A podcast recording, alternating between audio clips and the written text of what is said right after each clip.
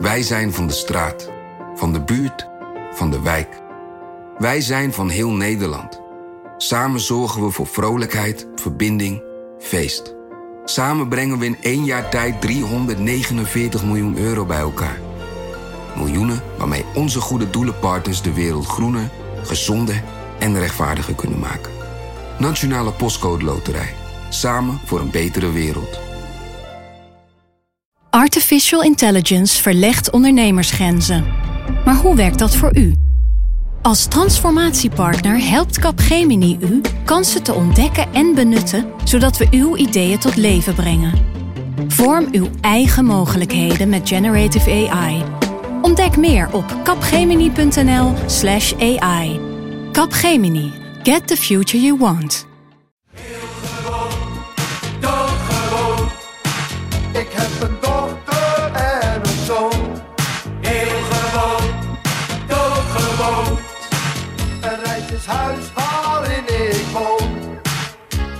En dit is ook heel gewoon Haagse Zaken. En mijn naam is Lemja Harouai.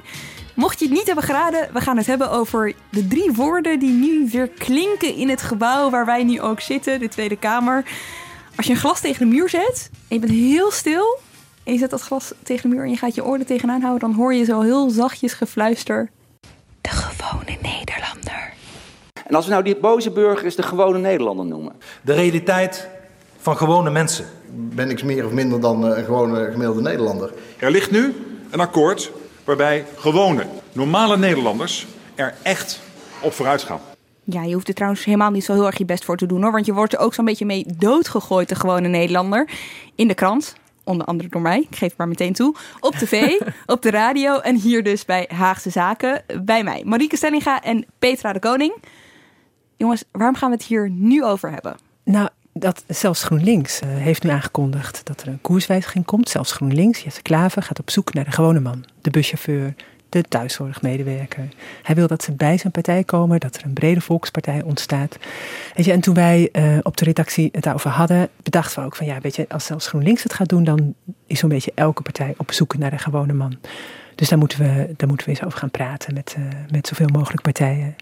Ja, GroenLinks traditioneel natuurlijk eh, geassocieerd met hogere opleiding, grachtengordel, Elitair. achterban. Bakfietsen. Die bezig is inderdaad met bakfietsen en eh, het klimaat en vegetarisch eten. Dus misschien niet direct de gewone man. Nou eh, doen we al een paar aannames over de gewone man. Maar goed, hè, als Jesse Klaver in een kantine tour, zoals hij dat ook zo eh, treffend formuleerde, die gewone man wil gaan ontmoeten, dan, eh, ja, dan is het tijd om toch nog eens bij meer partijen langs te gaan waarom ze daar zo mee bezig zijn. Het gaat over de waardering die wij hebben voor die stille motor van Nederland. En ik vind dat het de taak van een partij als GroenLinks is om deze mensen met elkaar te verbinden. Om hoog en laag opgeleid met elkaar te verbinden. En dat is veel meer dan een electorale strategie. Het is namelijk de droom van bouwvakkers die ik tegenkom. En mensen die bij de post werken. En de buschauffeur. Te verbinden met al die hoogleraren die ik tegenkom. Waarom noemt hij het niet de gewone Nederlander? Ja, waarom noemt hij het niet de gewone Nederlander? Ik denk, als je, als je het hebt over kantine, hè, dan ben je eigenlijk al aan het praten over de gewone Nederlander.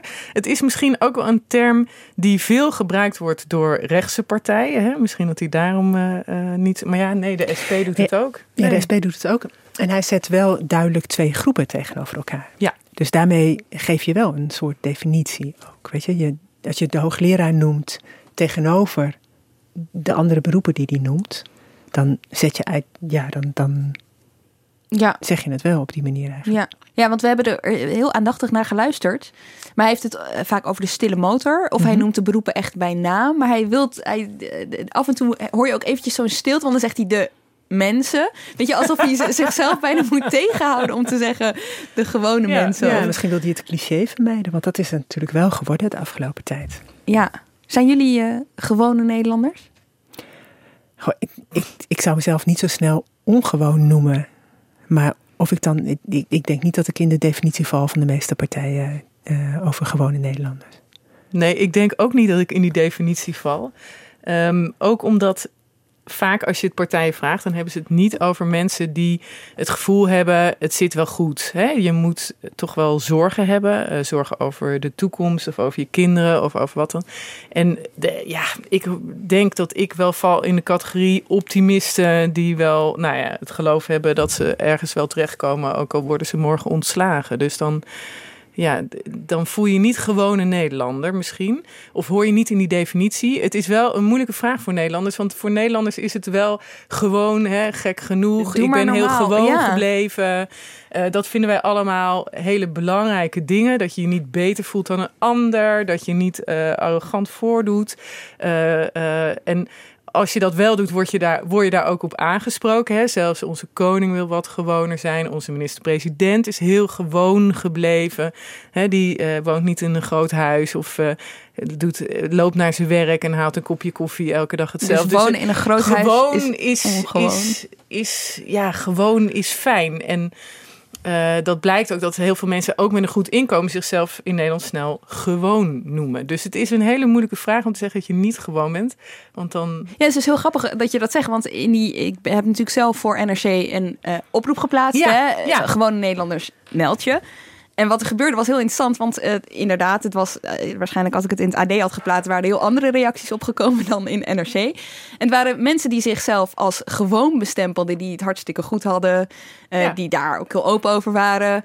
En dus, en als ik dan kijk naar hoe de gewone Nederlander in Den Haag wordt afgeschilderd, dan is dat juist precies het tegenovergestelde. Uh, terwijl, weet je, wat, wat je als gewoon of ongewoon ziet, we maken al meteen voor onszelf allemaal een rijtje in ons hoofd. Hè? Dus de een hangt het, ik kreeg mailtjes van mensen die gingen beschrijven uh, dat ze een hypotheek hadden en welke auto's ze reden en hoeveel kinderen ze hadden. En dat maakten ze dan gewoon.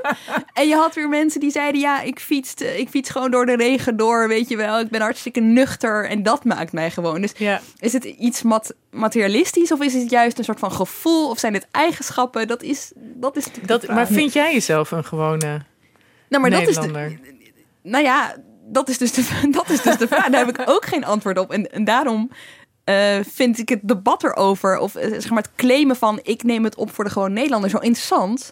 Want niemand weet dan over wie het gaat. Aan de ene kant kun je jezelf dus daartoe rekenen door te zeggen, ja, ik, ik hoor daartoe, want het komt wel goed met mij, ik heb goed inkomen, nou, dat soort zaken. Uh, en aan de andere kant kun je ook denken, uh, ik denk dat veel mensen ook een soort reflex schieten. Dat heb ik zelf ook gehad. Dat je denkt van, oh, en waar, waarom gaat dat dan niet over mij? Omdat mijn ouders in Marokko zijn geboren. Ja, Snap je? Dus ja. je, je, vult het eigenlijk al meteen in. Uh, en, en, en daarin verbeter ik mezelf dan ook. Omdat ik denk, ja, wacht even. Uh, daar gaat het niet om. Of, weet je, het is, ja. het is, het is, ja, het is lastig. Het is niet de baas van een groot bedrijf. Hè? Die vinden we Nee. niet gewoon. Ja, maar, het, Hè? Dat is duidelijk. Maar alles daaronder of anders is ingewikkeld. maar Kim Putters, de directeur van het Sociaal en Cultureel Planbureau, die zegt tegen ons. Uh, verreweg de meeste Nederlanders voelen zich aangesproken door die term. Die vinden zichzelf gewoon, ook de bovenlaag. Ja. Dus het, weet je, het raakt aan heel veel mensen. En ik denk trouwens dat uh, Jesse Klaver dat waarschijnlijk niet noemde, die gewone man, omdat hij niet mensen wil uitsluiten. Weet je, hij wil een brede volkspartij. Als je iemand gewoon noemt, heb je dus, als je op zoek gaat naar een gewone man, is de rest van jouw achterban dan ineens ongewoon. Dat wil misschien wel niemand zijn in Nederland. Ja, gewoon kent een tegenstelling, namelijk ongewoon. Ja. En dat, daar heeft niemand het dan, uh, dan weer over. Nee, één politicus wel. Ja, Gert-Jan Segers uh, van de ChristenUnie, die uh, gaf laatst een interview aan Trouw. En die zei, um, ja, iedereen heeft het over de gewone man, maar ik wil dat we ook opkomen voor de ongewone Nederlander. Weet je, mensen die in de schulden zitten, die in de prostitutie zitten en daaruit willen, daar heeft hij het vaak over. Ja. Um, en dat, weet je, hij kan dat dan wel wat makkelijker zeggen dan andere partijen. Heeft een, als ChristenUnie hebben ze een, een, vrij trouwe, vaste achterban. En dat, dat is ook denk ik de achtergrond voor waarom heel veel uh, partijen het er nu over hebben. Dat ze hun traditionele achterban zien verdwijnen. Dat ze niet een vanzelfsprekende groep hebben. Dus weet je, op zoek moeten naar mensen. Maar het is toch heel raar om, daar, om dan een soort van, ja, heel raar of heel slim, om daar dan zo'n etiket op te plakken dat zo vaag is dat iedereen er wel of niet onder kan, kan vallen. Ja, maar dat is ook slim, want dan kan je een hele brede groep aanspreken die zich daardoor ook aangesproken voelt. En je merkt ook bij politici, uh, ze, ze gaan niet graag zeggen wie er dan niet bij hoort. Hè? Dus dat moet je soms een beetje raden of afleiden uit wat ze zeggen, omdat ze daarmee uitsluiten. En die achterban of die kiezersbasis is een wezenlijk ding. de middenpartijen willen die weer terug. Maar de anderen, zie GroenLinks, denken... hé, hey, misschien kan ik wel een middenpartij worden. Misschien kan ik wel breder dan mijn huidige achterban aanspreken. En daar komt weer dan die bredere eh, persoon om de hoek kijken, de gewone Nederlander. Ja. Speelt nog iets bij. En ik denk dat ze daar wel enige zelfkennis hebben. Eh, Den Haag en Haagse politici zeggen wij zijn hoog opgeleid. En de burger, of de, waarmee wij automatisch in contact komen, is vaak de geïnteresseerde eh, kiezer, eh, de leden die wij hebben, eh, mensen die, met on, die meedenken over waar de politiek over zou moeten gaan. En dat zijn hoogopgeleiden, net als wij. En daardoor komen wij niet, wij moeten moeite doen en ons best doen om in contact te komen met de rest van Nederland, die misschien niet hè, gestudeerd heeft, maar die ook iets wil of vindt of met zorgen zit. En zien wij die niet over het hoofd. En dan komt de SP en die zegt: Ja, weet je, iedereen kan het hebben over de gewone man, maar wij wonen in de wijk waar die mensen wonen. Weet je, door hun afdrachtsregeling eh, hebben SP'ers meestal wat minder geld dan andere politici. Dus zij, zij zien dit aan en zeggen van ja, jongens, wij zijn, wij zijn het origineel en de rest is namaak. Afdrachtregeling betekent dat zij, dat zij, een zij een deel van hun salaris, salaris eh, eh, terug aan de partij, die Ja. er dan acties van betaalt en zo. Ja, nou zaten wij net hier al te speculeren over wie die gewone Nederlander dan precies is. Wat vindt de VVD of het CDA daar bijvoorbeeld van? Goeie vraag. Wie zijn dan die gewone Nederlanders? Nou Rita, dat zijn jij en ik. Dat is dus iedereen die iets van zijn leven wil maken, eh, die vooruit wil komen. Dat kunnen mensen zijn die hard gewerkt hebben en nu genieten van een welverdiend pensioen. kunnen ook mensen zijn die tegen hun schuld een baan zijn kwijtgeraakt of een uitkering hebben, maar graag weer aan de slag willen. Of door arbeidsongeschiktheid het, waar het gewoon niet voor in zit. Maar iedereen die positief wil bijdragen in het land, in wat voor vorm dan ook. Dat zijn voor mij de normale, gewone Nederlanders. Die gewone Nederlander wil gewoon wel werken, maar ziet in zijn beeld dat er geen baan is. Of als er een baan is, dat hij door een ander is ingenomen. Hij wil zijn kinderen een goede toekomst geven. Hij wil een samenleving waar mensen gewoon omzien naar elkaar. Maar steeds loopt die gewone Nederlander vast tegen een muur op. Die baan is vergeven, in zijn ogen aan immigrant of aan een Oost-Europeaan. De opleiding voor de kinderen is veel te ingewikkeld en theoretisch geworden. En de verruwing in de samenleving, die kan je niet tegenhouden, want het komt via je televisie en je computer rechtstreeks in je huiskamer. Het is best wel grappig, want Rutte heeft het heel erg over de optimist. En Buma heeft het juist over iemand die slachtoffer is. Ja, dat is ook een duidelijk vers- eh, verschillende filosofie tussen de twee partijen. De VVD, dat blijkt ook trouwens, die heeft heel veel kiezers die optimistisch zijn. Maar dat is ook de partij die wil uitstralen doen, aanpakken. Niet bij een probleem blijven staan, doe er iets mee, ga het oplossen. Buma is veel meer in het CDA van de categorie, ja, je moet die zorgen benoemen. Hè? Je, moet je moet vertellen waar mensen zich zorgen over maken en daar ook iets voor bieden. En, daar dat- hoort ook een sombere toon daar bij. hoort ook een sombere toon bij, ja. Want die, hè, je kan niet alleen maar zeggen, ja, maar het gaat goed in Nederland. Daar, ja, daar, daar raak je niet de mensen mee die zij willen raken. Ja, oké, dan negeer je eigenlijk gewoon groepen. Nou ja, maar dat, dat is natuurlijk veel in deze discussie gezegd. Hè? Naar aanleiding van eh, Brexit en Trump en eh, de opkomst van populisme in het Westen is veel gezegd. Ja, maar hoezo? We hebben het toch goed? Hè? Het is gemiddeld zoveel welvarender, zoveel beter. Eh, het gaat met kinderen beter, met ouderen beter. En toch, hè, met ouderen gaat het beter dan ooit. En toch stemmen ouderen, een deel van de ouderen, op Henk Krol, die heel erg boos is. Hoezo? Maar dat, daar heeft Buma wel een punt met het verhaal. Het gaat toch goed? Raak je kennelijk deze kiezers niet? Daar Maar zit Bu- iets anders. Maar interessant is ook dat Buma het wel steeds heeft over het gevoel dat mensen hebben dat het niet goed gaat. Ja. Eh, hij zal niet, weet je, en dan zegt hij ja, dan komen eh, partijen die zeggen de uitkeringen moeten omhoog. Maar dat is het probleem niet volgens hem, weet je, of de uitkering omhoog of iets anders. Hij denkt dat, eh, dat, we een, dat er een gevoel moet komen voor Nederland. Daarom heeft, komt hij met ideeën als het Wilhelmus of maatschappelijke dienstplicht. Dat we ons weer een gemeenschap gaan voelen. En dan doe je ook weer een stapje verder. Hè? Dan heb je het niet meer over de gewone man, maar over iedereen bij elkaar. Mhm. Ja, en eh, hoe denken andere partijen erover? Want we horen heel veel van het, van het CDA en de VVD hierover. Maar hoe, hoe zijn andere partijen hiermee bezig? Nou ja, die, dat eh, die, die wens, hè, en het is natuurlijk ook uit electorale eh, motieven, maar de wens om een kloof, ja, een vreselijk woord mag niet van Petra zeggen, een kloof te overbruggen, hè, om een, iets, een verbinding tussen mensen te maken in Nederland, door niet iedereen in zijn eigen groepje te laten zitten en te versplinteren, eh, die is breder. Hè? Die, de SP Eh, grappig, GroenLinks gaat dus kantinetour, op kantinetour. Uh, dat kan je zien als uh, Jesse Klaver met zijn goede achtergrond hè, gaat naar de kantine waar mensen zijn die misschien wat minder bevoorrecht Gewoon zijn. echt kantines van bedrijven, hè? Ja, nou ja, of sportclubs. Ja, Ja, waar ja. zijn allemaal kantines? Je hebt heel veel kantines. Ehm, eh, maar de SP gaat op theatertour. Dus die gaat met, eh, nu aans- aanstaande zondag doen ze dat, met 1400 mensen. Die, nou het zal SP-achterban zijn, maar ze zeggen ook mensen die ze hebben ontmoet toen ze in de wijken eh, de zorgen van mensen probeerden eh, naar te luisteren. Gaan ze naar theater en op het podium nodigen ze sprekers uit en eh, denkers, eh, eh, theatermakers, hoogleraren. Kim Putters komt daar ook weer. En daarmee willen ze ook een kloof overbruggen, maar andersom. Hè? Ze nemen eigenlijk gewone mensen mee naar ja, wat ze dan de elite noemen. Dus dat is heel grappig. En dan gaan ze, gaan, ze, gaan ze met elkaar praten. Ja. Ja, en dan gaan die, die, die mensen op het podium gaan, voor, hè, die gaan dingen vertellen en voordragen. En daarmee willen ze dan eh, de elite activeren. Hè? Dus ook verantwoordelijk maken voor de gemeenschapszin in het land is dan bijvoorbeeld wat eh Ja, voorzitter van de SP zegt. Ja, want dat vindt hij dan wel een voorwaarde. Hè? Hij wil eh, heel graag, hij, hij doet, ges- houdt gesprekken met heel veel mensen in het land, de elite, zoals hij ze zelf ook wel noemt. Maar hij wil met ze praten, maar alleen als zij ook ehm, gemeenschapszin willen voor Nederland. Dat is de voorwaarde voor de gesprekken. Dus die mensen die daar dan zondag optreden, die eh, zien ook veel in gemeenschapszin. Die zien dat dat, dat dat niet goed gaat in Nederland en dat dat meer moet. En ook de SGP, hè, wat een de partij is natuurlijk met hè, een, een hele vaste, eh, eh, zeer christelijke achterban.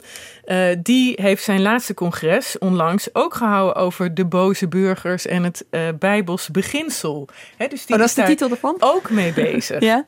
Omdat ze zeggen van ja, hoe moet je daar nou als SGP'er mee omgaan? En hoe ga je nou in gesprek? En nou ja, ze maken ook onderscheid in... Het zijn niet alleen boze burgers, maar je hebt ook bedroefde burgers en bezorgde burgers. En dus ook zij zijn ermee bezig dat dat... Ja, dat die boosheid, waar komt het nou vandaan? Waar komt dat ongenoegen vandaan?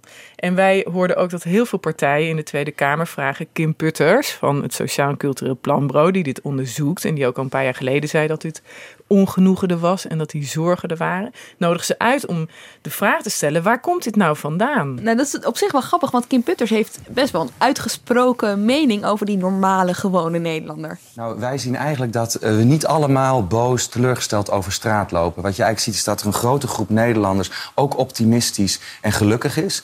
Dat er wel degelijk een groep is die boos is, afhaakt bij de politiek en het gevoel heeft dat de politiek er niet voor hen is. En een nog veel grotere groep daartussenin is vooral onzeker over de toekomst. En het zijn allemaal normale Nederlanders zoals u en ik. Eh, Er zit gewoon veel verschil in onze samenleving. Dus ja, wat dan normaal is, eh, misschien is het wel onze volksaard om normaal te doen en er niet zoveel bovenuit te steken. Is het de meest misbruikte term in eh, Den Haag?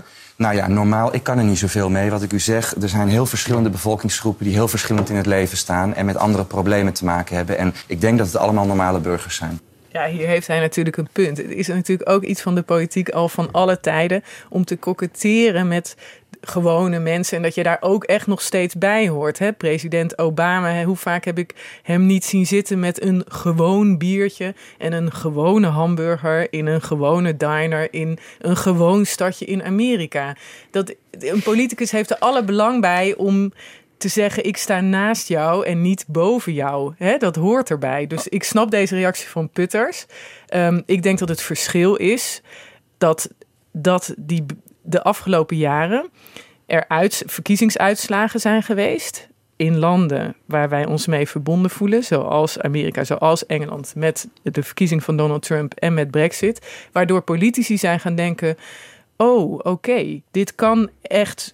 Dit is een beweging, noemt Buma het bijvoorbeeld. Dit is zoiets groots. Dit kan echt wel de uitkomst van onze democratie bepalen.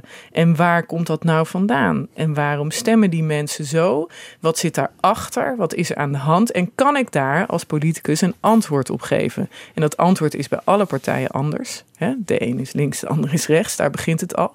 Maar dat ze die vraag stellen, snap ik gezien de ontwikkeling de afgelopen jaren. Ja, ik denk dat ze daar heel erg het gevoel hebben dat ze daar niet aan omheen kunnen. Dat het ook een antwoord moet zijn op. Of, eh, het is, ze zien het zelf ook als een reactie op het populisme. Dat ze op zoek moeten naar die mensen die ze zijn kwijtgeraakt. Maar dat is toch van alle tijden? Dat is toch politiek? Als het slecht gaat met een partij, er zijn toch eh, een heleboel eh, voorbeelden te noemen. Hè? Bijvoorbeeld CDA in 94 gingen ze van eh 54 naar 34 eh, zetels. En dan had je de eerste partijraad van Hans Helgers toen de tijd. Met hele grote plastic oren, omdat hij dus meer... eh, Omdat hij vond dat de partij meer moest gaan luisteren naar de gewone man. Koppen uit die tijd. Het CDA is op zoek naar de menselijke maat. Is, is, is het die zoektocht naar de gewone man eigenlijk niet nooit gestopt? En dat hij af en toe weer wat Ja, wel hoor, maar ik denk dat heel erg het gevoel is dat het nu urgenter is dan ooit. Weet je, als je bedenkt dat de VVD met 33 zetels eh, de grootste eh, partij is. Die is dus kleiner dan die 34 waar ze Ja. zich toen Ja. zo druk over maakte van het CDA. Ja. dat midden, het is, er is een versplintering in de politiek, in het landschap. Daardoor is het ook moeilijker om regeringen te vormen. Duitsland, Nederland, hè, overal is dat ingewikkeld. Regeren is ook verlies lijden heel vaak, want ieder, mensen worden boos op je. Eh, dus de- dat gevoel van, oh jee, we zijn het, het ehm, contact kwijt. Het vanzelfsprekende contact met een vanzelfsprekende achterban... waarmee je toch uiteindelijk wel met drie partijen... vier misschien kan regeren. Hè? Vier partijen hebben nu 76 zetels. Dat is gewoon ontzettend weinig in de Tweede Kamer. Ja, wat ook meespeelt is dat eh, de meeste partijen eh, leden verliezen. Dus ze hebben geen, weet je, ze weet, hoe kom je erachter wat, wat er leeft? Waar maken mensen zich zorgen over? Hoe doe je dat dan nog? Als je steeds minder leden hebt, waar, waar kom je mensen nog tegen? Dus ze zijn op zoek, ook letterlijk. Maar is dit En achter deze dingen zitten nog... Want naar mijn idee, ik maak ook maar een analyse... zit er achter de verkiezing van Brexit... eh, hè, de Brexit-uitslag en de verkiezing van Trump... en de opkomst van het populisme...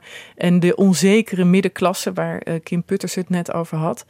daar zitten ontwikkelingen die groot zijn... en die heel veel verandering teweeg brengen in mensenlevens. Dan heb je eerst veiligheid, hè, dus het, het, het gevoel van veiligheid. Dan kom je natuurlijk bij aanslagen en terrorisme. Maar het tweede is ook, denk ik, economisch. Onze maatschappij, onze arbeidsmarkt verandert echt wezenlijk de laatste vijf, tien jaar. Ik doe even een slag in de lucht. Door eh, globalisering, maar ook door technologische ontwikkelingen. Die middenklasse, die altijd toch wel een vrij zekere positie had, heeft die, die positie van die westerse werknemer, de gemiddelde westerse werknemer, die is minder eh, vast geworden. Hè? Je ziet het aan de flexcontracten, maar je ziet het ook aan de robotisering of aan Uber. Wat is nou jouw plekje hè, op die arbeidsmarkt? De hoogopgeleiden, die winnen en die winnen eigenlijk steeds meer. Maar de rest, die voelt zich toch, eh, denk ik, in zijn zekerheid bedreigd. Ook al hebben ze nu Ja. nog een goede baan. Maar je zegt voelt, en dat vind ik hier zo ingewikkeld aan. Kijk, er zijn, er zijn genoeg onderzoeken over dat het steeds veiliger wordt, maar dat het veiligheidsgevoel afneemt. En het gaat economisch beter dan in heel veel tijd. Weet je, de, beter dan, dan, eh, dan lang. En toch hebben mensen het gevoel dat, dat, het, dat het met hen niet goed gaat. En dan vraag ik me af, moet je dan inspelen op dat gevoel? Of moet je juist zeggen, ja jongens, sorry. Maar... Ja, maar ik denk dat het meer is dan gevoel. Ik denk Ja, dat er aantoonbaar dingen echt veranderen op de arbeidsmarkt. Dus die, flex, die flexcontracten, de opkomst van flexcontracten van ZZP'ers... eh, waarin je toch je minder zeker bent van je baan en je positie dan je voorheen was. En waarin ook, want je zegt het gaat steeds beter. Ja, ja bovenin de economie, als je alles optelt en aftrekt... Hè, heb je nog fijne welvaart en economische groei. Maar het deel van de koek dat naar werknemers gaat, krimpt in het hele Westen al een tijdje. Lonen staan al een tijdje op een eh, flatline. Hè? Hoe noem je dat? Die gaan niet omhoog, maar die staan al een jaar of tien zo ongeveer. Dat is geen drama. Je kan er nog prima mee leven. Maar het doet wel iets met het gevoel van mensen. Als ik morgen mijn baan verlies, kom ik dan nog wel aan een nieuwe baan? Kan mijn dochter nog een vast contract krijgen? Ja, en mensen, dat hebben maakt echt, uit. Ja, ja, mensen hebben echt reden tot zorg ook. Aantoonbaar. En dan is het de vraag vervolgens: wat is je antwoord daarop? En daar ligt een heel politiek spectrum open. En daar eh, kan je een puur economisch antwoord op geven. Ja. We moeten zorgen dat mensen beter beschermd worden tegen ontslag. We moeten flexcontracten zo eh, onmogelijk mogelijk, hè, zo eh, niet meer mogelijk maken of zo min mogelijk. maar de lees de gewone Nederlander jouw, jouw, jouw, jouw programma? Nou ja, je kan, het, andere partijen zoeken het meer in, zoals het CDA, in identiteit. We gaan, als we nou, hè, we, doen het, we zingen het Wilhelmus, we doen een maatschappelijke dienstplicht, dan voelen we ons weer samen en dan kunnen we ook samen beter de veranderingen Maar- aan. En daarin mag iedereen zijn eigen smaak kiezen natuurlijk. Maar dat is toch eigenlijk een valse belofte? Want als het gevoel gaat over economie en jij komt met we hangen een vlag in, eh, we, we hangen een vlag in de Tweede Kamer en eh, we gaan eh, samen het volkslied zingen. Ik zie daar best wel een, sorry Petra, kloof tussen, weet je wel, de vraag en Ja, maar ik, ik het het, is niet alleen economie, het zijn ook andere ontwikkelingen. Eh, en het is ook niet zo dat het CDA bijvoorbeeld helemaal geen economische oplossing heeft. Zij zijn economisch toch ook weer een stuk linkser geworden dan ze een paar verkiezingen geleden waren. Dus het is niet alleen economie. Ehm, maar het maakt, ja, het maakt, het, het, is een zoektocht. En daarin heb je alle politieke smaken en alle politieke ideologieën. Naar hoe geef je meer zekerheid, hoe geef je meer bescherming. Heb je ook nog de smaak, we doen de grenzen dicht en alle buitenlanders gaan weg en weet ik het. Je hebt alle smaken om eh, uit te kiezen. Ja, de, bijvoorbeeld de PvdA zal heel erg de nadruk gaan leggen, dat doen ze nu ook al, op baanzekerheid. Weet je, en de groen, eh, Jesse Klaver wil het ook met GroenLinks. Weet je, veel over eh, inkomen, economie praten, werk. Ja. Ehm, weet je, dus dat is, dat is hun antwoord. En je ziet dus inderdaad dat het een zoektocht is. Elke partij zoekt naar wat, hoe het ze kan lukken om die mensen aan zich te binden. Of En dat is ook Ja. goed. Want dat is ook Ja, politiek. politiek, ja. dat is politiek. Maar, is, is, maar, maar is elke, is, dat vind ik nog wel interessant, ziet elke partij dan ook een andere gewone Nederlander voor zich? Weet je, wel, ik kan me voorstellen dat Denk iemand, heel iemand anders voor zich ziet dan de SGP bijvoorbeeld. Ja, ik heb het aan Denk gevraagd, maar bij Denk zeggen ze: nee, voor ons zijn de gewone Nederlanders, zijn alle Nederlanders die zich aan de wet houden. En eh, daar, daar houdt het dan zo'n beetje mee op. Dus als je dan vraagt, zijn jullie er dan misschien wat meer voor de Marokkaanse of de Turkse Nederlanders? Dan zeggen ze: nee, dat is een, dat is een, eh, een beeld dat ons wordt opgelegd. Ehm, wij willen ons ook verbreden. Je hoort wel een paar dingen vaak terug. Hè? Eh, hardwerkende Nederlander, of wil hard werken, of wil iets van zijn leven Staat vroeg op, maken. hoor ik ook overal. Ja, staat vroeg op, komt heel veel terug. Eh, zeker bij rechtse partijen. Eh, wat hadden we nog meer? Eh, en, oh ja, vraagt niet veel, maar krijgt ook niet veel. Hè, die hoor je ook veel. Het is vaag, maar het zijn, het zijn Je ziet woorden die de denken, hele hè? tijd terugkomen. ja. En dan heten ze bijvoorbeeld bij Jesse Klaver de stille motor. Ja, je hebt de Eh, boze burger, Je hebt de ruggengraat, eh, je hebt de zwijgende meerderheid. stille midden. Ja. Ja, zo eh, ja. Middenklasse is eentje die ook heel veel terugkomt. Ook bij links. Middenklasse en daaronder. Ja. Mensen die met hun handen werken, hoor je ook. Zijn politici dan per definitie ongewoon trouwens? Die zullen vast vroeg opstaan, werken ook, maar zullen zij zich rekenen tot... Ik denk dat ze dat eigenlijk wel zeggen, ja. Want hè, ze zeggen ook allemaal dat het zo moeilijk is voor ze om in contact te komen met die gewone Nederlanders. Alleen de Daarom SP'ers zeggen ze dat ze de SP'ers zijn. zeggen dat Nee, niet. Zo is Nee. het. Nee. En En, zal de PVV is ook niet. Nee, nee. Zal dit uiteindelijk tot iets leiden? Of is dit weer een golf en daarna is het weg? Gemeenteraadsverkiezingen komen eraan en zal het vast nog wel heel erg spelen. En daarna is het weg. Nou, ik heb het gevoel dat dit nog wel een tijdje blijft. Ik ook. Ik denk niet dat dit een golfje is die weggaat. Nee. Nee. Oké. Nee. En tot slot, ik wil even eindigen met de SGP, met Kees van der Staaij. Jullie hebben hem gevraagd naar wat de gewone Nederlander precies is. Ja, daar moesten wie? we erg om lachen. Hij zei, de gewone Nederlander is iedereen die niet nadenkt over de definitie van gewone Nederlander.